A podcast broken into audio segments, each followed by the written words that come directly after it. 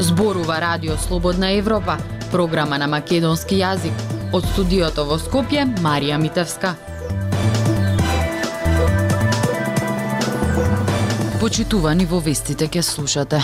Ке се менуваат или избришат имињата на бугарските здруженија и клубови во земјава. Граѓаните револтирани што мора да чекаат на шалтери за да ги сменат договорите за парно, откако ЕСМ го презема менаџирањето од Балкан Енерджи Груп.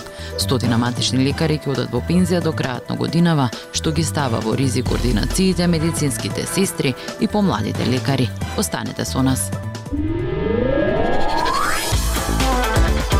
Независни вести и анализи за иднината на Македонија на Радио Слободна Европа и слободнаевропа.мк. ВМРО ДПМН е предложија СДСМ прифати да се минува законот за здруженија по отворањето на два бугарски клуба во земјава со контроверзни имиња. Во најава и отворање на трет клуб Цар Фердинанд во Богданци, што предвидуваат измените на законот повеќе од Пелагија Стојанчова.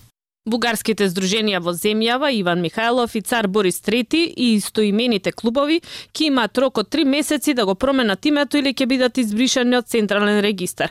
Предвидува предлогот на ВМРО ДПМН за измени на законот за здруженија. Здруженијето во најава Цар Фердинанд кој треба да се формира во Богданци, пак можеби нема да добие амин ако се донесат измените што ги предлага опозицијската партија. И од владеачката партија најавија подршка за законот. ВМРО ДПМН најави измени на законот за здруженија на 7 октомври, кога во Охрид се отвори бугарскиот културен клуб Цар Борис Трети. Борис Трети бил начело на Бугарија за време на Втората светска војна, кога како сојузник на нацистичка Германија окупира голем дел од територијата на денешна Македонија. Софија се противи на употребата на терминот бугарски фашистички окупатор. Бугарските историчари сметаат дека треба да се зборува за анексија, а не за окупација. Од СДСМ вела дека законот за здружение и фондации на вистина бара ревидирање, бидејќи е стар веќе веќе десетина години. Апсолутно го поддржуваме правото на слобода на здружување, но исто така мора да застанеме во одбрана на вредностите на кои се темели нашата држава, тоа се антифашистичките вредности, така да секој предлог што е во таа насока ќе го поддржи. Изјави пратеничката од СДСМ Санела Шкриели во собранието. Предходно премиерот Димитар Ковачевски упати јасен повик до пратениците од владеачката коалиција да дадат потршка за измените кои ќе го спречат напливот на бугарски клубови со спорни имиња. Бугарските здруженија во земјава се формирани од македонски државјани, но дебатата за новиот закон се следи и во Бугарија.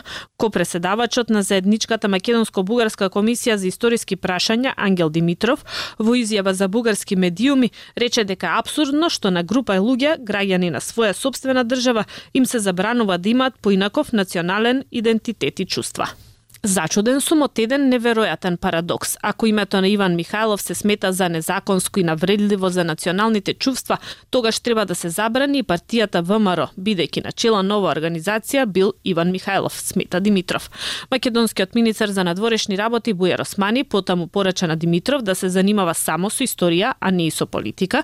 Оти Димитров, меѓу другото, рече дека и земјава не се однесува како земја кандидат за Европска унија. ВМРО ДПМН предлага да се забрани основа образување на организации кои се насочени кон насилно уривање на уставниот поредок на земјава и потикнуваат на воена агресија и разгорување на национална, расна, верска омраза или друга нетрпеливост како издруженија кои одобруваат фашизам и нацизам. Доколку некое здружение сака да носи име на историска личност, за тоа треба да добие согласност од Министерството за правда. Во земјава сега нема закон со кој се забранува здружение да носи име на контроверзна личност, па додека се подготви закон, се формираше државно советодавно тело за давање мислење за употреба на име на историска и друга позната личност во името на здружението и друго правно лице. Слободна Европа. Следете на на Facebook, Twitter и YouTube. Радио Слободна Европа го посети пунктот на Балкан Енерджи Груп во Центар, откако на сила стапи врската за граѓаните за промена на договорите за парно грење. Некои од граѓаните кои ги затекнавме таму и кои сакале да ги избегнат гужвите, се жалат дека не можеле да завршат работа. Други пак брзо направиле промена на договорот, известува Јасмина Јакимова. Обврската за промена на договорите одбегна и сама лично на шалтер за сите што се греат на градско парно налути многумина. Ова дојде од како ИСМ ги доби лицензијата за да ги топли скопјани, кои што пак пред неколку месеци му беа одземени на бек, бидејќи минатата зима не успеа да обезбеди газ за грејење. Пред пладнево на пунктот во центар немаше гужва, ама сите не завршија работа. Меѓу нив беше и пензионерот Јовица Тодоровски, кој како што редовно си ги плаќа сметките, се обиде оваа обрска да ја заврши уште првиот ден, пред да почнат гужвете. Ама безуспешно, бидејќи станот во кој што живее е на име на неговата болна мајка. Еве го имотниот лист на мајка ми дека е станот. Еве лична карта. Жената е дома, не можам да ја донесам, преку 90 и кусур години е. Полномошно треба да вадам или да ја донесам нејзе тука на носилка. Одма ќе завршиме. Колку одма ќе видиме. Обврската за промена на договорите се однесува на сите граѓани кои досега имаа парно од компанијата БЕК, односно околу 60.000 домаќинства. Тоа значи дека периодов кој следува, исто толку собствените на станови, ќе треба да отидат на некој од трите пункта на БЕК во центар аеродроми Талеча, за да подпишат нов договор со ЕСМ, компанијата која секој правува со парното. Многу ми останаа збунети, бидејќи на пунктовите уште стои БЕК, ама компанијата ИСМ лиценцијата за парното ги доби во петокот, на буквално ден пред почеток на грејната сезона. Иако процедурата е едноставна, со доставување сметка за парно и лична карта, сепак за голем дел од граѓаните ова е непотребно малтретирање. Тие имат се од нас сите податоци ги имат. Ги преземат од стариот производуваш на топлина, само да не малтретира да чекаме по шелтерите. Нема гужва и ако има добро работат луѓето, задоволство Има да сега добро 60.000 души го Е, па добро сега, сега за сега е тоа. Е, па замислите колку од нив се над 80 години, да речеме, неподвижни дома, разни болести. Јас мислам дека треба да се реагира и тоа е комплицирање и малтретирање непотребно. Новиот носител на лиценцата, чие име во цело сега гласи СМ снабдување со топлина до Елскопје, порачува дека испораката на топлина нема да биде прекината во периодот додека се менуваат договорите. Оттаму не прецизираат во кој рок тие треба да се сменат, туку само информираат дека ќе овозможат соодветен временски период за регулирање на обврската. Корисниците пак кои нема да ги склучат договорите по овој повик ќе бидат контактирани од новиот снабдувач со грејење, за да се утврди нов термин, тогаш кога од различни причини тие не можат да се јават на пунктовите. Појаснуваат дека правно е невозможно преземењето на постоечки договори од предходниот снабдувач, па затоа ќе мора подпишување нови. Скопјани изминативе неколку дена се будат со парно, ама до кога ќе бидат топли или млаки радиаторите ќе зависи од надворешните температури. Од компанијата информираат дека нема дефекти во топланите и дистрибутивната мрежа, ама затоа имаат повеќе интервенции во домовите или на подстаниците во зградите. Грејната сезона започна на 15 октомври, а ќе трае до средината на април, под исти услови како и досега. Тоа значи дека снабдувачот со парно гарантира температура од 21 степен Целзиусов во домовите, а грењето ќе се испорачува во периодот од 6 до 22 часот. Радио Слободна Европа, светот на Македонија. Здруженијето на матични лекари предупредува дека стотина доктори до крајот на годината ќе одат во пензија, а со тоа голем број на сестри и помлади лекари може да останат без работа. Оттаму испорачаа барања до Министерството за здравство, кое за сега нема одговор. Прилог на Ивана Стојкова. По 31 година работен стаж, медицинска сестра во Велес останува без работа бидејќи матичната докторка со која работела оди во пензија. Докторката поради пензионирањето ја затворила ординацијата, а сестрата која што има уште десетина години до пензија, веќе трет месец е под бирото за вработување. Докторката ја затвори ординацијата, а јас во меѓувреме морав еден тон документи да поднесам до Министерството за здравство дека од оправдани причини ординацијата се затвора.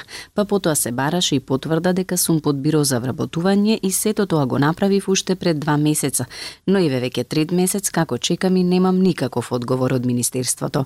Во меѓувреме се нашла докторка која што е заинтересирана да ја превземе ординацијата, но поради долгите административни процедури со месеци се уште се чека да почне со работа. Поради ваквите проблеми со кои се соочуваат здравствените работници, едно од долгогодишните барања на Сдруженијето на приватни матични лекари е пациентите да се водат на име на ординацијата, а не кај матичниот лекар, бидејќи во случајот кога лекарот се пензионира со тоа автоматски згаснува и ординацијата, а сестрите и другиот тим лекари остануваат без работа. Ние сакаме, значи пациентот кога иде и бира ординација каде што прима услуга, мора ако се случи нешто со собственикот, не смее да има дисконтинуитет за тие пациенти кои што избрале таа амбуланта. Значи таму има уште кадар, таму е опремено и не смееме стално да се враќаме од почеток. Сега, ако јас имам доктор и тој си замине, финансиски се оштетува фирмата непотребно. Се бришат пациенти, не се плаќаат, додека да се запишат е тешко да ги најдат најдете и така. Председателката на Сдруженијето, доктор Лилија Чолакова Дервишова, предупредува дека огромен број од матичните лекари се веќе пред пензија. Според низините податоци се работи за бројка од стотина доктори кои треба да се пензионираат, што значи дека постои опасност голем број на сестри помлади лекари да останат без работа, вели таа. Велес се пензионираат две и веќе две полно. Значи само во нашиот град се четворица, ме разбират. Кои што веќе затвориле, оние кои што затворија двете колешки, сестрите останаа без работа. Додека другите две имаат вработени, значи уште млади доктори, тие доктори сакаат да се концесионери, сакаат да продолжат. И сега евен пишав, нели вчера после средбата на сите, подитно да пуштат барање за нели да се продолжи ова сето за да може да не се не останат луѓето и огромна бројка на пациент. Такви има во Битола, такви има во Прилеп, низ Македонија, сегде во Куманово има, во, во Кичево, во Скопје, ме разбирате, значи во Скопје само има 40 на и рачунајте остатокот низ Македонија, затоа од прилика тоа се работи за бројка на стотина доктори, кои што нели зарачунајте ако ги земеме над 60 се 220 прилика. Значи огромна е бројката на луѓе кои што се возрастни. Радио Слободна Европа испрати прашање до Министерството за здравство дали овие барања се прифатливи и како ќе се решаваат проблемите во примарното здравство, но одговор до сега не добивме. Во земјава има околу 1400 матични лекари кои примаат средства од Фондот за здравство и се задолжени за грижата и здравјето за целото македонско население. Актуелности свет на Радио Слободна Европа. Како што се зачистија знаците за дополнителен притисок од Москва, Белорусија да и се приклучи на војната во Украина, белоруските мајки стравуваат дека председателот Александар Лукашенко ќе нареди на нивните синови да одат во војна за туѓи интереси. Прилог на Гоце Танасов. Кога десетици илјади руски војници се префрлија преку границата во Украина во почетокот на руската неиспровоцирана инвазија кон крајот на февруари, вклучително и од Белорусија, Алена почувствувала повеќе од самострав. Тој е мојот воздух, смислата на животот, рече таа за незиниот единствен син кој беше регрутиран во белоруската воена служба. Тоа беше хорор. Бев хистерична, само плачев на работа. За среќа, рече Лена, незиниот син ја уверил дека е безбеден, а замполит, термин од советската ера за политичките комесари во војската, набрзо и кажал дека никој никаде не испраќа белоруси. Белорускиот лидер Александар Лукашенко и дозволи на Русија да користи Белорусија како терен за инвазијата. Но Минск цврсто тврди дека неговите трупи директно не учествувале во ниједна од борбите. Сега додека инвазијата на Москва продолжува, Алена и лјадници други мајки на белоруски регрути повторно се плашат за нивните синови. Белорусија долго време се подпира вз Русија за снабдување со енергија, како и за економска и политичка подршка, а зависноста на Лукашенко од Москва вртоглаво порасна по протестите на опозицијата по неисправните председателски избори пред две години. Лукашенко по последната средба со рускиот председател Владимир Путин ја обвини Украина и незините западни сојузници за планирање на напади на територијата на Белорусија, што може да вклучи саботажа, терористички напади и воен бунт во земјата. Потоа тој најави создавање на заедничка регионална воена група, составена од руски и белоруски трупи.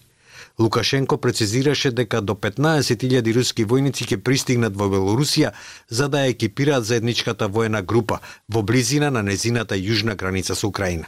Непопуларноста на Лукашенко би можела да направи предизвик за секој обид за мобилизација. Марија ова недела за белорускиот сервис на Радио Слободна Европа изјави дека незиниот син е во бегство веќе три години. Та вели дека по објавувањето на руската мобилизација минатиот месец, сите жени почна да се грижат за своите синови и сопрузи. Многу од нив внимателно ги проучуваат начините како да избегнат регрутирање, рече таа, вклучително и преку одложување поради инвалидитет или други здравствени состојби.